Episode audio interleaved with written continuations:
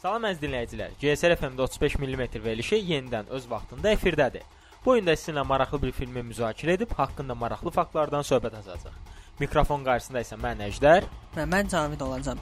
Bu dəfə haqqında danışacağımız film 2010-cu il istehsalı olan elmi fantastika janrındakı Inception filmidir. Qeyd edək ki, filmin rejissoru Christopher Nolandır. Və Cavid istəyirsən ən-nəvə olaraq rejissor haqqında qısa bir məlumat verək. Christopher Nolan 30 iyul 1970-ci ildə Londonda dünyaya gəlib. Uşaq vaxtlarından kinoya marağı yaranıb və atasının əl kamerası ilə videolar çəkməyə başlayıb.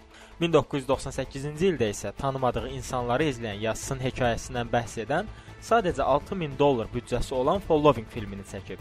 2000-ci ildə isə Qızıl Globus və ən yaxşı ssenari Oskarına namizəd olan Memento filmini çəkib. Nolanın yaradıcılığında xüsusi yeri onun Batman trilogiyası tutur. Özünün də uşaqlıq qəhrəmanı olan Batman'i Nolan tamam fərqli formada izləyicisine göstərə bilir. Bu trilogiya izləyənlər tərəfindən standart bir super qəhrəman filmindən daha çoxu kimi qəbul edilir.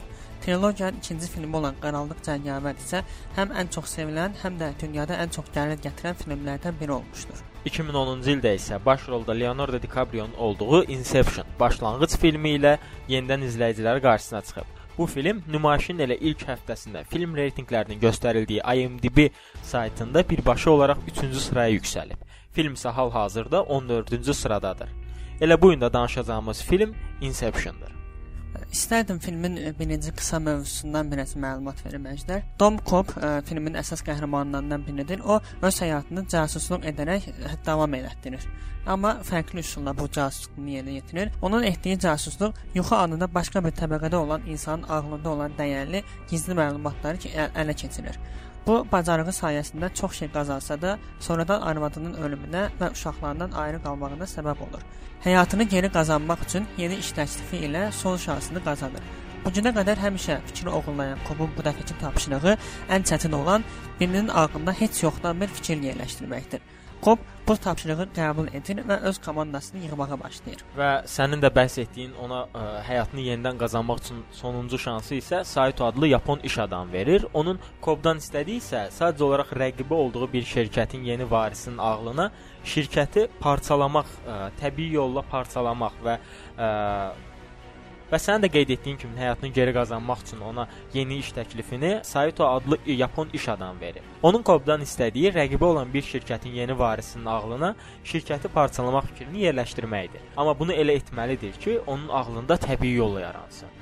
Bu yerdə yuxu qatlarından söhbət açılır. Filmdə hansı ki, filmdə də göstərilir ki, Cobb bu günə qədər ən çox yuxunun ikinci qatına getmişdir öz komandası ilə birlikdə, amma bu dəfəki tapşırığın çətinliyinə görə onlar artıq şuuraltının daha dərinliyinə, yuxunun 3-cü, 4-cü qatlarına qədər dərinə getməlidirlər. Burada yuxunun qatı deyəndə, yəni bir yuxunun içində artıq başqa bir yuxuya və həmin o başqa bir yuxunun içində isə baş tamam başqa bir yuxuya getməkdən və səyahət etməkdən söhbət açılır. Bu elə film ə, e, yuxularla bağlı olduğu üçün filmdə yuxu haqqında çoxlu fikirlər və mülahizələr eşidirik. Yuxu həmişə elmdə də geniş müzakirə mövzusu olan məsələlərdən biri olmuşdur. Məsələn, e, psixoanaliz Sigmund Freydə görə yuxu gündəlik həyatda şüuraltına itələnmiş hisslərin əks olunmasıdır. Yəni onun dediyinə görə biz gündəlik həyatda gördüyümüz, qabağımıza çıxan, düşündüklərimiz, hiss elədiyimiz şeyləri sonradan gecə yatanda isə yuxumuzda görürük. E, ümumi mənada isə yuxu təbii yolla dincəlmək yoludur ki, artıq e, biz bu filmdə bunun təbii yolla yox, süni yolda olunduğunu görürük. Cobb və, və onun əllərində olan süni yolla və xüsusi bir cihazla bir neçə adamı eyni yuxuya daxil edərək eyni yuxuda olurlar və o həmin adamdan oğurluq edə bilirlər bir növ onun şuuraltısına sanki ə, e, adi yuxudaymış kimi müdaxilə edirlər və bu arada da yuxu haqqında danışmışkən psixoanalizlərin də gəldiyi son nəticəyə əsasən yuxuda gördüyümüz hər bir şəxs nə zamansa həyatımız boyu qarşılaşdığımız üzbəüz də olsa və yaxud da yanından da keçsək gördüyümüz insanlardır. Yəni tanımadığın, həyatın boyu heç vaxt görmədiyin insanları yuxuda görməyin ə, e, psixoanalizlərin fikrincə mümkünsüz kimi bir şeydir. Film boyunca hər dəfə film özü bizə göstərir ki, şuuraltımız bizdən daha ağıllıdır. Yəni şuuraltı bizim gündüz vaxtı oyaq olduğumuz vaxtda ə, daha aktiv ola bilmir. Əslində o gecə yuxuda olan vaxtı isə artıq öz gücünü daha da artıra və sərbəst şəkildə öz fəaliyyətini göstərə bilir. Və burada da Kobun süni yolla və xüsusi cihazla bir neçə ə, adamla birlikdə yuxuya daxil olmasından danışmışkən, yuxuya girmək üçün isə əvvəlcə onlar bir nəfər yuxuya gedir və bunun üçün isə ə, xüsusi dərmandan istifadə edirlər, hansı ki, sonra yuxuya bir hədəf təyin edilir və ə, bunlar cihaz vasitəsilə yuxularını paylaşırlar. Yəni eyni yuxuda olurlar. Məqsədsə hədəf olaraq seçilən adamın fikirlərini oğurlamaq və yaxud da ona fikir yerləşdirməkdir. Filmdə bizim mövzumuz isə ə, fikir oğurlamaq deyil, bir iş adamının ə, beyninə, ağlına bir fikir yerləşdirməkdir. Elə ona görə bu dəfəki filmə əsasən, ssenariyə əsasən Kobun işi digərlərinə nisbətən ona görə daha çətindir. Çünki bu dəfə o yuxunun artıq birinci, ikinci qatı kimi sadə qatlarında yox, daha dərinlərinə enməlidir və yuxu qatları ilə bağlı da maraqlı bir hissə var ki, burada zaman fərqli anlayışı filmdə özünü göstərir ki, məsələn, real həyatda 5 dəqiqə yuxu, yuxunun içərisində birinci qatında 1 saat, ikinci qatında 1 həftə, üçüncü qatında 6 ay, dördüncü qatında isə 50 ilə yaxın davam eləyir. E, yəni bu o deməkdir ki, zaman anlayışı hər yuxu qatına uyğun olaraq kifayət qədər fərqli olaraq dəyişir.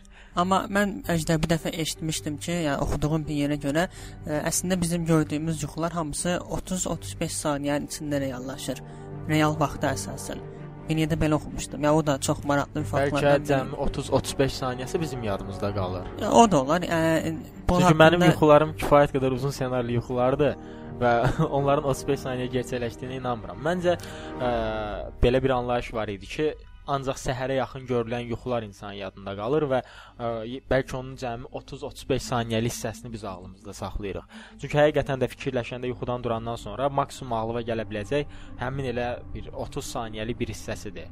Bunun ə, həmin yuxunun qısalığı ilə qısalığı ilə bağlı Kop ə, yeni həmkarına söhbətində deyir ki, sual verir ki, heç ə, yuxunun nə vaxt başladığını heç hiss eləmirsən? O da ə, normal olaraq cavab verir ki, ə, yox. Bu məndə də olur ki, məsəl üçün yuxumun nə vaxt başladığını bilmirəm, amma həmişə özümü hadisələrin tam ortasında, özümü tam hadisələrin ortasında görürəm və yuxudan oyanmağın da bir neçə fərqli yolu var ki, bunun ən sadəsi yuxu qatlarında olarkən vaxt bitdikdən sonra, hansı ki, bayaq da adını çəkdiyimiz xüsusi dərman vasitəsilə onlar yatızdırılırlar və həmin dərmanın müddəti bitdikdən sonra yuxudan ayılmaqdır. Digəri isə yuxu görən şəxsə ə, musiqi səsi dinlətdirmək və onun beyin siqnallarına səsi göndərmək vasitəsilə oyanmasını təmin etməkdir. Bir digər yol isə yuxuda ölməkdir, amma indi hal-hazırda danışdığımız yuxuda ölmək məsələsi isə kifayət qədər əslində əslində ə, bir növ təhlükəli məsələdir. Bunun səbəbi nədir? Filmdə əgər birinci, ikinci qatda ə, yuxuda ölən zaman oyana bilirdinsə, üçüncü, dördüncü qatda ölməyin artıq sənin uzun illər ilə öz yuxunda həbs olunmağına gətirir, çıxarır. Və bunu da izləyənlər xatırlayar ki, Saito ilə bağlı vəziyyətlə birbaşa bağlıdır ki, yuxuya girdiklərində ilk qatda Saito silah yarası alır. Komandadan biri onu öldürərək oyatmaq istəyir, amma bu ə, mümkün olmur. Çünki tapşırıqlarında deyildiyi kimi 3 qatlı yuxuya gedəcəklərsə və bunun üçün yüksək dozda sakitləşdirici alıblarsa, o zaman ə, Saito ölsə alınmayacaq. Əksinə filmdə Araf deyilən həmin ə, adını çəkdiyimiz 50 illik müddətdə Sonsuz davam edən həmin boşluqda ilişib qalacaq və bir növ reallıqla yuxunun arasında fərqi hiss edə bilməyəcək vəziyyətə vəziyyətə gələcəkdir. Çünki artıq 50 il müddətini uzun bir periodda orada yaşadığı üçün gerçək və reallıq arasında e, bir növ itib qalacaqdı. Filmdə ə, e, bəhsi keçən bu boşluq burada ə, e, dəlillər dünyası və itmiş zaman kəsiyi kimi də göstərilir ə, izləyiciyə. Bu boşluqda ə, bu boşluqda olan adam yuxu olduğunu anlamır və normal həyat kimi öz həyatını yaşayır. Elə sən dediyin kimi Saito da eynisini yaşayır. Çünki o ə, yaralanıb ə, ə, həmin boşluğa düşmüşdü. Öz şuurlu şəkildə o boşluğa getməmişdi. Ona görə o orada yaşadıklarını normal həyat kimi yaşayıb qəbul eləmişdi. Amma filmin artıq ə, ilk səhnəsində gördüyümüz əslində filmin sonu olan səhnədə Cobb gəlib ə, Saitonu xilas etmək istəyəndə bir maraqlı məqam var ki, ə, Cobb orada çox cavandır və ə, Saito isə artıq qocalıb yaşlanmışdır. Bu da bununla əlaqədardır ki, Cobb artıq bu dünyanın yalan olduğunu, yuxu olduğunu bilir, amma Saito isə bundan xəbərdar deyil. Filmin başlanğıcından söhbət açmışkən, mənim fikrimcə film çox sürətli başlayır. Həqiqətən ə, o dərəcə sürətli başlayır ki, filmin ən azı bir ilk 15 dəqiqəsindən sonra artıq mövzunun nə olduğunu, burada əslində nə baş verdiyini, filmə birinci dəfədə baxan adamlar üçün şəxsən mən birinci dəfə baxanda ilk 15-20 dəqiqə sadəcə olaraq yəni kadrlara baxırdım ki, görəsən nə olur. Çünki filmin həqiqətən son səhnəsinin ilk hissədə verilməsi və anidən oradan keçid eləyərək hansı ki biz sonda sayt olduğunu bildiyimiz adamın cavanlığına qayıdılması və orada yenidən eyni nüansların müzakirəsi və anidən yuxudun yuxunun içərilərində olmağı, onun dağılmağı ilk 15-20 dəqiqə sadəcə olaraq və hətta orada bir maraqlı nüans var ki, ə, iki qatlı yuxudaydılar ə, birinci səhnədə və o yuxu dağılandan sonra ikinci bir yuxuya keçmələri, sonra onun ardınca isə oyanmaları bir növ artıq izləyici olaraq sən sən hansının real olduğu mövzusunda özün çaşbaş qalırsan ki, nə oldu indi? İndi görəsən indi gerçəklikdədirlər. Ümumiyyətlə bu yuxuda nə işləri var? Yuxunun içərisində yuxu olurmu? İlk 15-20 dəqiqə artıq sadəcə sorğulamaqla məşğul olursan və mövzuya adaptasiya olmağa çalışırsan. Bu baxımından açığı ə, Inception filmini mən 2-3 dəfə izləməyin daha çox tərəfdarıyam ki, ssenari olaraq tam olaraq e, dinləyici üçün aydın olsun. Və belə bir ssenarini izləmək e, filmdəki obrazları da e, izləyici haqq qazandırır ki, onlar belə e, hə, hansının yuxu, hansının real olmadığını bilmirlərsə, onlara elə də e, necə deyim, əsəbləşmə, yəni onlara haqq verirsən ki, yəni izləyici olaraq belə bunun hansı real, hansı yuxu olduğunu artıq e, növbəti kadrlarda sənə özü izah eləyəcəkdir. Və yuxuda olan maraqlı personajlardan biri də memardır ki, hansı ki memar birbaşa olaraq yuxuda olan məkanları dizayn etməklə məşğuldur. Filmə görə ən yaxşı memar Kobdur, amma filmdə də izlədiyimiz kimi Kobun həyat yoldaşı artıq öldüyü üçün onun itirilməsindən sonra Kob artıq onu, yəni həyat yoldaşını şuur altısından buraxmaq istəmir və onu daima özü ilə saxlayır. Bu da onun artıq qurduğu memarlıq, yəni dizayn işlərində yuxuda ə, bir çox problemlərin yaranmasına gətirib çıxardır. Bu memarla bağlı bir maraqlı bir nüans var ki, bu memar yaratdığı dünyanı, yəni bütün neçə təbəqəyə gedəcəklərsə yuxuda bütün həmin o qatların hamısını sıfırdan dizayn edir və orada nəyin harda olmasını, bu məkanın necə olmasını, havanın soyuq ya isti olmasını, insanların nə qədər olmasını hamısını bu müəyyən edir. Və onun eləməli olduğu əsas şeylərdən biri bu ə, düzəltdiyi ə, layihəni, dizaynı yuxu görən şəxsdən başqa heç kimə deməməlidir. Çünki başqa birinə desə, onlar ə, desə və onu dizaynını göstərsə, başqa insanların öz təxəyyülü bu yuxuya təsir edəcək və necə ki, Kobun təxəyyülünə ilişib qalan onun həyat yoldaşı yenə bu yuxularda da onun qarşısına çıxacaq və onlara maneə yaradacaqdır və yuxuda olan zaman yuxu ilə, yəni reallıq ilə yuxunun arasındakı fərqlə bağlı çox gözəl nüanslar var ki, bunu Kobun dilindən eşitmək olur ki, Kob yeni memara Ariadneyə xüsusilə tapşırıq verir ki, ona memarlığı öyrədən zaman ki, qətiyyən real həyatda gördüyü heç nədən təsirlənib memarlıq işi qurmasın yuxuda. Çünki bu onun üçün faciəyə gətirib çıxarda bilər və haranın real, haranın isə ə, yuxu olduğunu qarışdıra bilər və bu filmdə olan əsas xüsusi nüanslardan biridir. Və memar kifayət qədər yaxşı dizayn etməyi bacarmalıdır. Biz burada filmin ilk səhnəsində yuxunun artıq birinci qatına geri qayıdanda Saito ilə bağlı xüsusi bir məqamı diqqətə gətirə bilərik ki, ə, əslində Saito kifayət qədər yuxuda olduğuna inanmışdı, amma sadəcə əlini yerə vuran zaman yerdəki xal ə, xalçanın ə, əslində əsl olmadığını bildirdi və bu bir növ onun artıq yuxuda olduğunu dəqiqləşdirdi. Və bu məsələlərə görə əslində o ə, memarlıq işi yuxuda xüsusilə vurğulanıb və kifayət qədər yaxşı qorunmağa çalışılıb. İncə kiçik bir səhv hər şeyi məhv edə bilər və bütün yuxunu dağıda bilər. Və memarlığı dağıdan bu ə, memarlığı həmin dizayner dizaynerin yaratdığı dünya elə ə, sən dediyin kimi real hadisələrdən, real şəxslərdən, real məkanlardan faydalanmamalıdır. Çünki o həmin o yaratdığı real olduğu üçün və həmin o yuxu ol, yuxu olsa belə real insanlar həmin yuxuya müdaxilə edə bilər və yuxunu ə, yolunda getməyən onu ə, məhv edə bilər. Və bu ə, film gördüyümüz əgər burada ə, rahatçılıqla deyə bilərik ki, burada insanlar normal olaraq rahat olaraq kiminsə yuxusuna girə, girə bilirlərsə, belə bir dünyada yaşayırlarsa və eyni zamanda belə yuxu hücumlarından qorunan adamlar da var. hansı ki filmin əsas ə, obrazlarından biri olan Kompkinin fikrini yerləşdirmək istədiyi adamda həmin bu ə, fikir oğrularına qarşı yuxuda onun fikrini oğurlamaq istəyənlərə qarşı ə, məşq, təlim məşqlər görmüş və beyni ona uyğun olaraq hazırlan hazırlanmışdır. Ə, elə birinci qat yuxuya girəndə gör izləyicilər də görür ki, ə, gözlənmədən o həmin o Fisherin, yəni oğlu fikrində ağlına fikri qoyulmaq istəyən adamın öz ə, cangüdənləri elə həmin yuxuya ə, onların qarşısına çıxır və onlara maneələr törədirlər.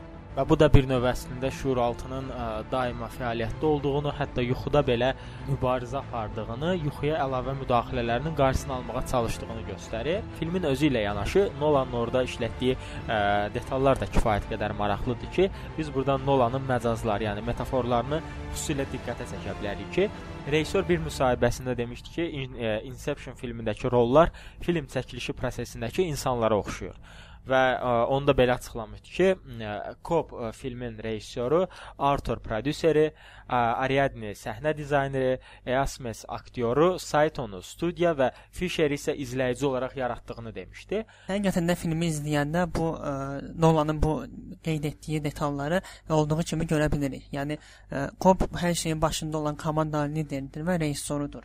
Arthur isə onun prodüseri, ən yaxşı, ən yaxın köməkçilərindən biridir ki, hər zaman onun yanındadır və ə, komanda yığmasında da ona kömək etmişdi və hətta problemli olaraq gördüyü hissələrdə də xüsusilə öz fikirlərini bildirir, uyğun olmayan hissələr barədə xatırlatmalar edir və hətta filmdə də biz bunun birbaşa olaraq ona təsir etmə gücünün əslində Arturda olduğunu rahatca görə bilirik ə, səhnə dizayneri olaraq Nolan ə, ifadə etdiyi obraz, yəni memar olan Adri, ə, Ariadne isə ə, həqiqətən də filmdə həmin memar dediyimiz o ə, memar dediyimiz obrazdır və yuxuda ə, onların getməli olduğu bütün məkan, məkanları o sıfırdan hər şeyi ə, dizayn etmişdi. Və rejissor da bunu belə bir ifadə ilə izah etmişdi ki, işimdə özümü çox tez-tez itirə bilirəm və bir filmin içində özünü o qədər rahat ifadə edə bilmək o qədər də asan deyil.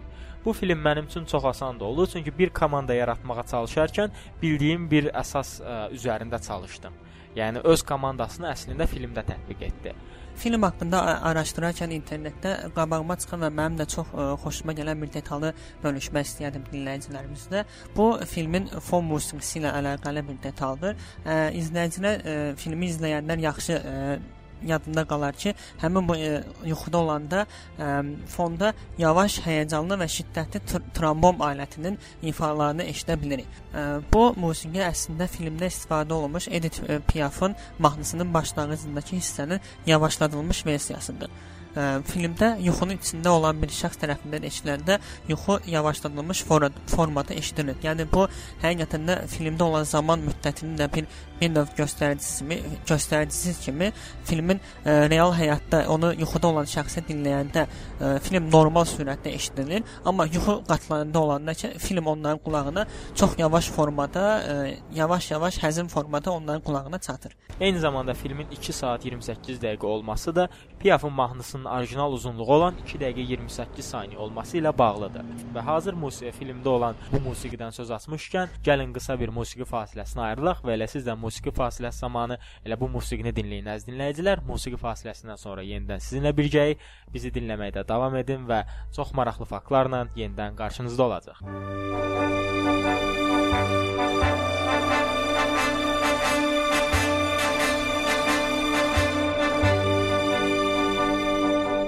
Non, rien de rien. Non, je ne regrette rien. Ni le bien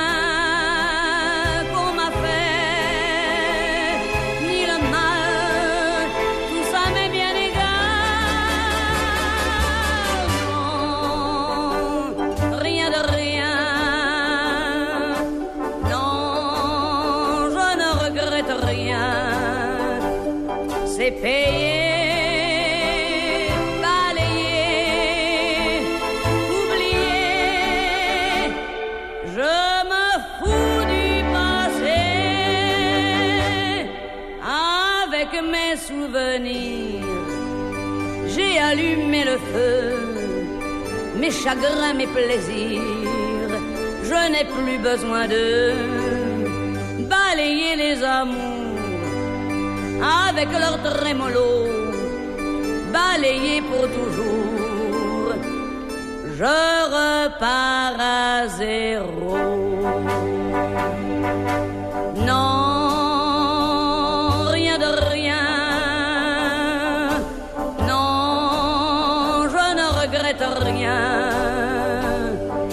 be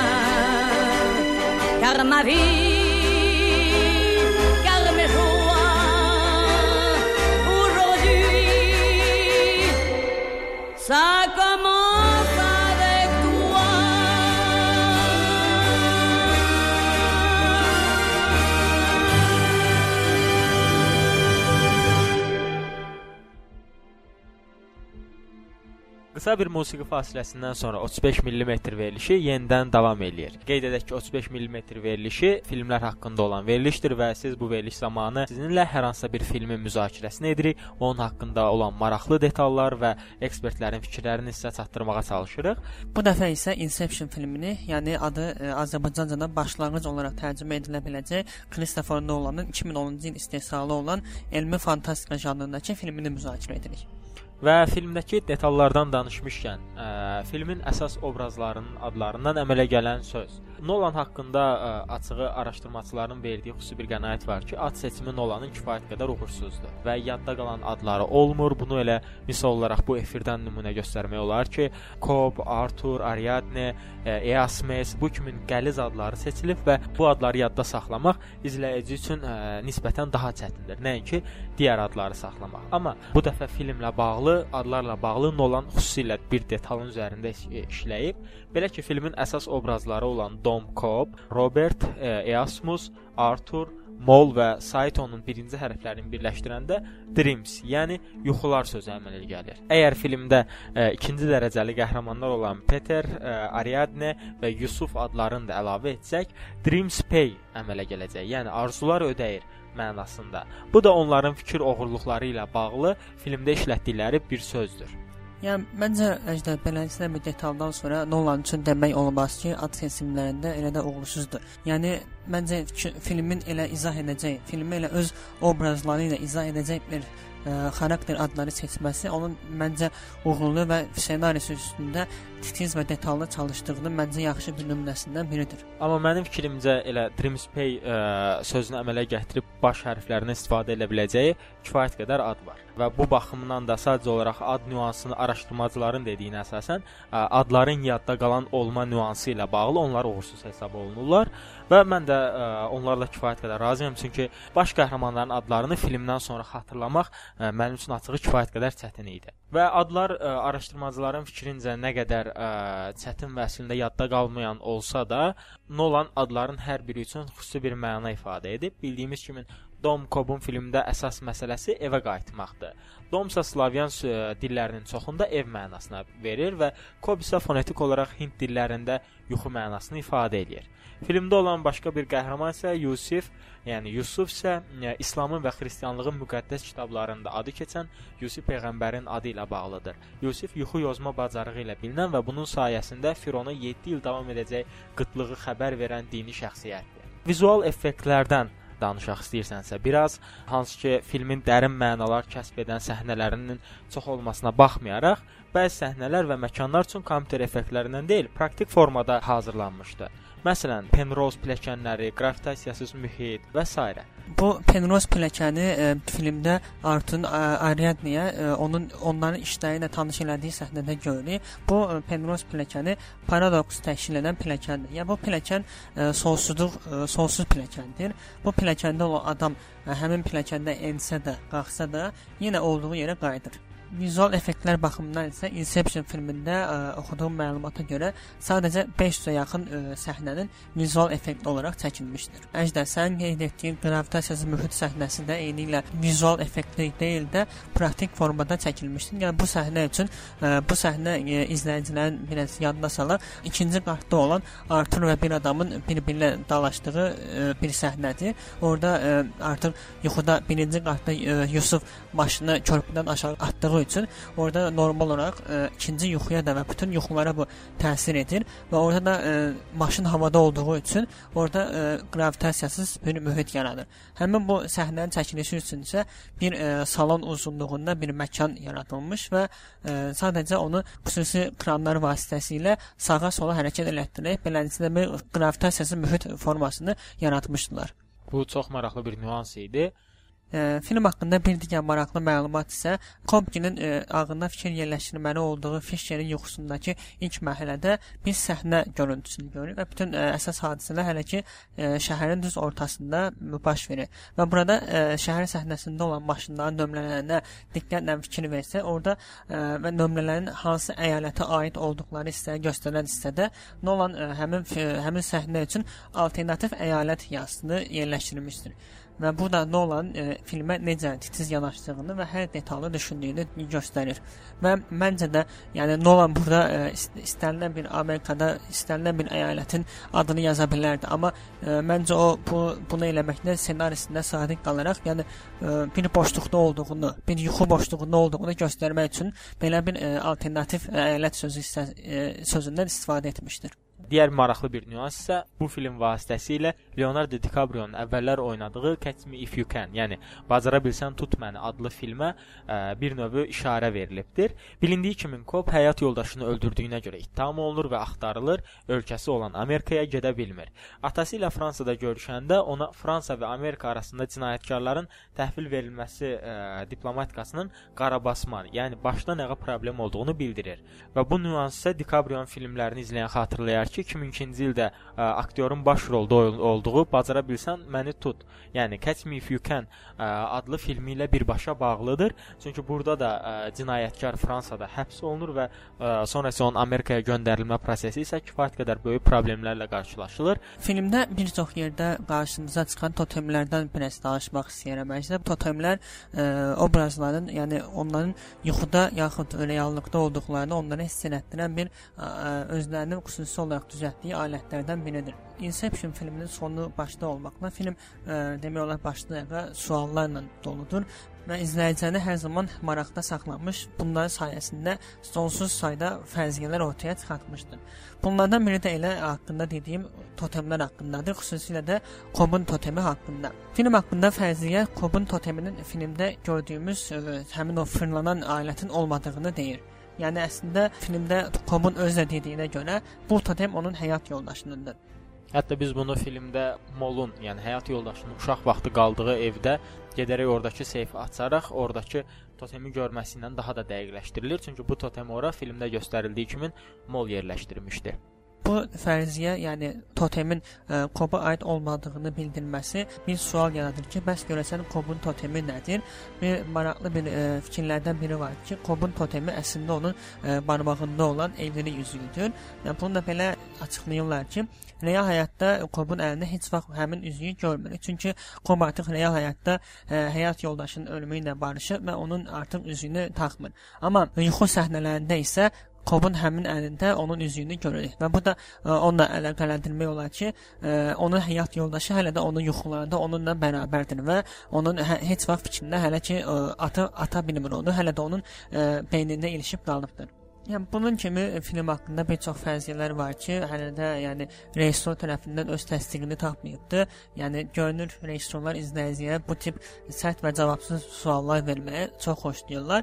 E, istədim bu yerdə bir fransız rejissor e, Jacques Tatinin bir sözlərindən e, istat gətirmək istədim. O deyirdi ki, e, mən istəyirəm ki, film siz kino salonunu tərk edəndən sonra başlasın.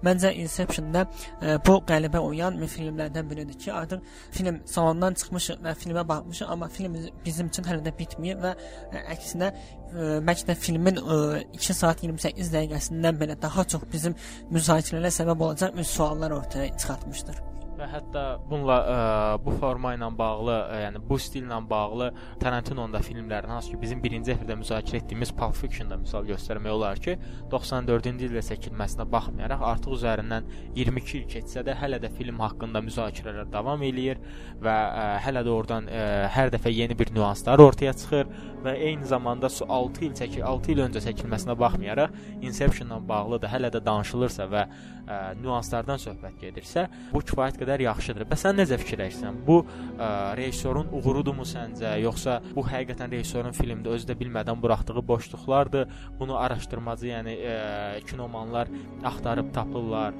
Ə, bu birbaşa olaraq səncə nə ilə bağlıdır? Məncə əgər biz bir film haqqında və onun rejissorunu o filmə yerləşdiyi biz geniş ə, xüsusi detallardan danışa biliriksə, ə, sonradan bizim gözümüzə çarpan boş, ə, yəni boşluq kimi, səhvlik kimi görünə biləcək şeylər məncə ə, o qədər sadə deyildir. Yəni əgər bir rejissor bir filminə bu qədər xüsusi detal yerləşdirə bilirsə, izləyicinin və ya hansısa bir tənqidçinin bir boşluq və ya səhv olaraq adlandırdığı şey də ə, məncə rejissorun bilərəkdən etdiyi bir hərəkətlərdən biridir. Nolan artıq çəkdiyi filmlər sayəsində demək olar ki, bir superstara çevrilibdi. Yəni tənqidçilər onun haqqında beləsinə deyirlər. Yəni bundan başa düşdüyüm Nolan necə bir film çəksə də, yəni onun filmləri böyük bir izdira izdihama səbəb olacaq və hamı o filmi ya izləyəcəklər ki, görəcək Nolan bu dəfə nə çəkiblər. Yəni Nolan artıq ə, öz adını kino aləmində tanıtmış biridir ki, yəni deyə bilərdim ki, onun bu günə qədərki filmoqrafiyasında ə, elə də zəif filmi deməzdim var. Rejissorun ilk filmlərindən bəri artıq artıq festivallarda qalib olması, bütün izləyicilər tərəfindən sevilməsi. Elə onun ikinci filmini Memento-nu götürsək, o film əslində ən çox ə, elə Nolan öz fərqliliyini hiss elətdirdiyi ilk böyük filmlərdən biridir. Yəni film ə, tərsində olunmuş montajı ilə şey, izləyicilər tərəfindən bilinir ki, əslində izləyicilər başdan ayağa izlədiyi şeylər əslində ə, hadisələr sondan əvvələ doğru gedir. Bu bir növ Nolan filmoqrafiyasında əslində adi bir hal al hesab etmək olar ki, eyni hadisəni elə bu Inception haqqında da demək olar. Və onun ə, yaradıcılıqla bağlı bir ə, məqam da deyə bilər ki, o ə, elmi fantastikanı çox sevir. Yəni son 2 filminə nəzər salsaq, ə, Inception ə, və Ulduzlar arası, yəni Interstellar filmləri elmi fantastikanı tamam bir başqa bir mərtəbəyə qaldırdığını deyə bilərik onun üçün və Nolan yaradıcılığından danışmışkən filmin sonluğu da özünə məxsusdur. Rejissor Nolan Amerikada bir universitetdə filmin sonluğunu misal çəkərək həqiqət və xəyal arasında fikirlərini paylaşmışdı. Hər halda filmə baxan dinləyicilərimiz də bilirlər ki, sonluq əslində məsələnin xəyal və yaxud da gerçək olduğu arasında ə, şübhələrlə bitir və bir növ hər şey ə, izləyicinin, yəni filmi izləyən şəxslərin öz öhdəsinə qalır ki, filmi necə bitirsinlər. Yəni təsəvvürlə 2 saat 26 dəqiqəlik bir mesajlarla dolu film bəs etmirmiş kimi, onun son 2 dəqiqəsində artıq bütün filmi e, geniş mənada götürəcək bir böyük bir boşluq, yəni böyük bir sual yaradan bir sonluqla artıq qarşımıza çıxır bu film. Amma ə, maraqlı bir tərəf ordadır ki, açığı sevindirici tərəf ordadır ki, Nolan özü bu barədə xüsusi bir açıqlama verməsə də, ə, kinomanlar bu barədə araşdırmalar aparmışlar və bayaq sən gətirdiyin totem misalına əsasən filmin sonluğu barədə ə, bir neçə nüans ə, nüans gözə çarpır. Belə ki, ə, filmin nüanslarından biri ə, Molun totemi olan ə, həmin o fırlanan ə, fırlan, fırlanan oyuncaq ə, filmdə də göstərilir ki, əgər o oyuncaq fırlanıb durursa, bu deməli reallıqdadır. Əgər daima fırlanır və davam edirsə, bu bu isə artıq onların yuxuda, yuxu aləmində gerçəklikdə olmadığını göstərirlər. Filmin son hissəsində artıq ə, bir növ izləyici üçün də onun yavaşlamağa, yəni artıq yıxılmağa yaxın kəsildiyini görərək bir ə, qənaət verə bilərik, amma əsas nüans burada Kobun öz totemi ilə bağlı. Hansı ki, sənin də öncədən danışdığın ə, Kobun totemi ola, totemi hesab oluna biləcək üzük. Ə, çünki real dünyada Kobun əlində ə, barmağında biz qətiyyən üzüyü görmürük və yalnızca onun xəyal dünyasında biz ə, üzüyü görürük və ə, filmin son səhnəsində Kobun barmağında üzük yox idi və bu da əslində bir növ bizə ə, deməyə yəni, imkan verir yəni, ki, son izləyicinin fikrini tamam başqa bir nöqtəyə çəkməsidir. Yəni həmişə o, biz əslində film boyunca totem olaraq o fırlanan alə aləti görürük deyə bütün ə, yəni fikrimcə böyük əksər, əksər izləyicilər həmin o fırlanan alətə görə filmin sonluğunu müzakirə edirlər, amma sən demə Nolan əslində totemi o deyil və onun Kobun əslində üzüyü kimi istifadə etmişdir. Və bu baxımdan da filmin əslində sonluğunun da özünə ə, məxsus bitdiyini də demək olar ki, filmin eyni zamanda sonluğunun da olduğunu əsas ə, hardan da bilmək olur mənim fikrimcə. Ə, film boyu o öz uşaqlarının üzünü görmür. Çünki görmək istəmir. Bilir ki, əgər görsə, o həmin bu ə, yalan gerçəklikdə ilişib qalacaq. Ancaq filmin son səhnəsində artıq öz övladlarını çağırır, hansı ki illərdir onları görmür Molun ölümündən bəri və öz övladlarını gördükdən sonra isə artıq bu da bir növ bizə deməyə imkan verir ki, film artıq bu hissədə bitmişdir və Cobb Saytonda xilas edərək gerçəkliyə qayıtmışdır. Bu baxımdan filmin də sonluğunun özünə məxsus olduğunu da xüsusilə bildirmək olar. Nolanın başqa bir e, izlə izləyicilərlə başqa bir söhbətində qeyd etmişdi ki, həmin bu sonluq səhnəsinə görə ona heç kim sual verməsin deyə filmin nümayiş olduğu salondan film hələ tam bitməmiş arxa qapıdan salonu tərk edir. Və bu Nolan özü də etiraf edir ki, bu ə, əslində mən bu elədiyim hərəkətdə filmin sonluğunda yarımçı qoyduğum səhnədə izləyicilərin tərəfindən həm sərt tənqid olundu, həm də ki, çox böyük suallara səbəb oldu. Nolan özü də demişdi ki, ə, bu günə qədər çəkdiyim filmlər arası, arasında mənə ən çox sual verilən şey həmin o səhnənin yox, yoxsa həqiqət olması idi. Amma ə, Nolan ə, yenə öz müsahibəsində dedi ki, bunun cavabı əslində insandan insana dəyişir. Çünki həqiqətin özü də belə dəyişkəndir. Və bu gün də ə, və həqiqətən də kifayət qədər maraqlı bir film idi. Ə, izləməyə dəyər məncə, amma ən azından 2-3 dəfə izləyərək ə, filmdə heç bir boşluq buraxmadan izləmək daha yaxşı olar məncə. Yəni dəfələrlə izləsəniz də məncə sıxılmayacaqsınız. Həm istər ssenarisi, montajı və səs effektləri və hər şeyindən məncə film tamamilə bir izləyicinin zövqünə oxşaya bilər. Və bu gün də sizinlə başqa bir 35 mm verilişinin daha sonuna gəldik çatdıq. 35 mm filmlərlə bağlı verilişdir ki, hansı ki biz ə, hər həftə, hər həftənin cümə günü saat 19:00-da hər hansısa bir yeni filmin ə, müzakirə edir, onun detalları haqqında danışırıq və bu həftə də biz rejissor və ssenaristi Christopher Nolan olan ə, Inception filmi, yəni başlanğıc filmini müzakirə etdik. Sizinlə mikrofon qarşısında mən Əjdər və mən Cavid idim. Əziz dinləyicilər, gələn efirlərdə yenidən eşidilmək diləyilə. Sağ olun, salamat qalın.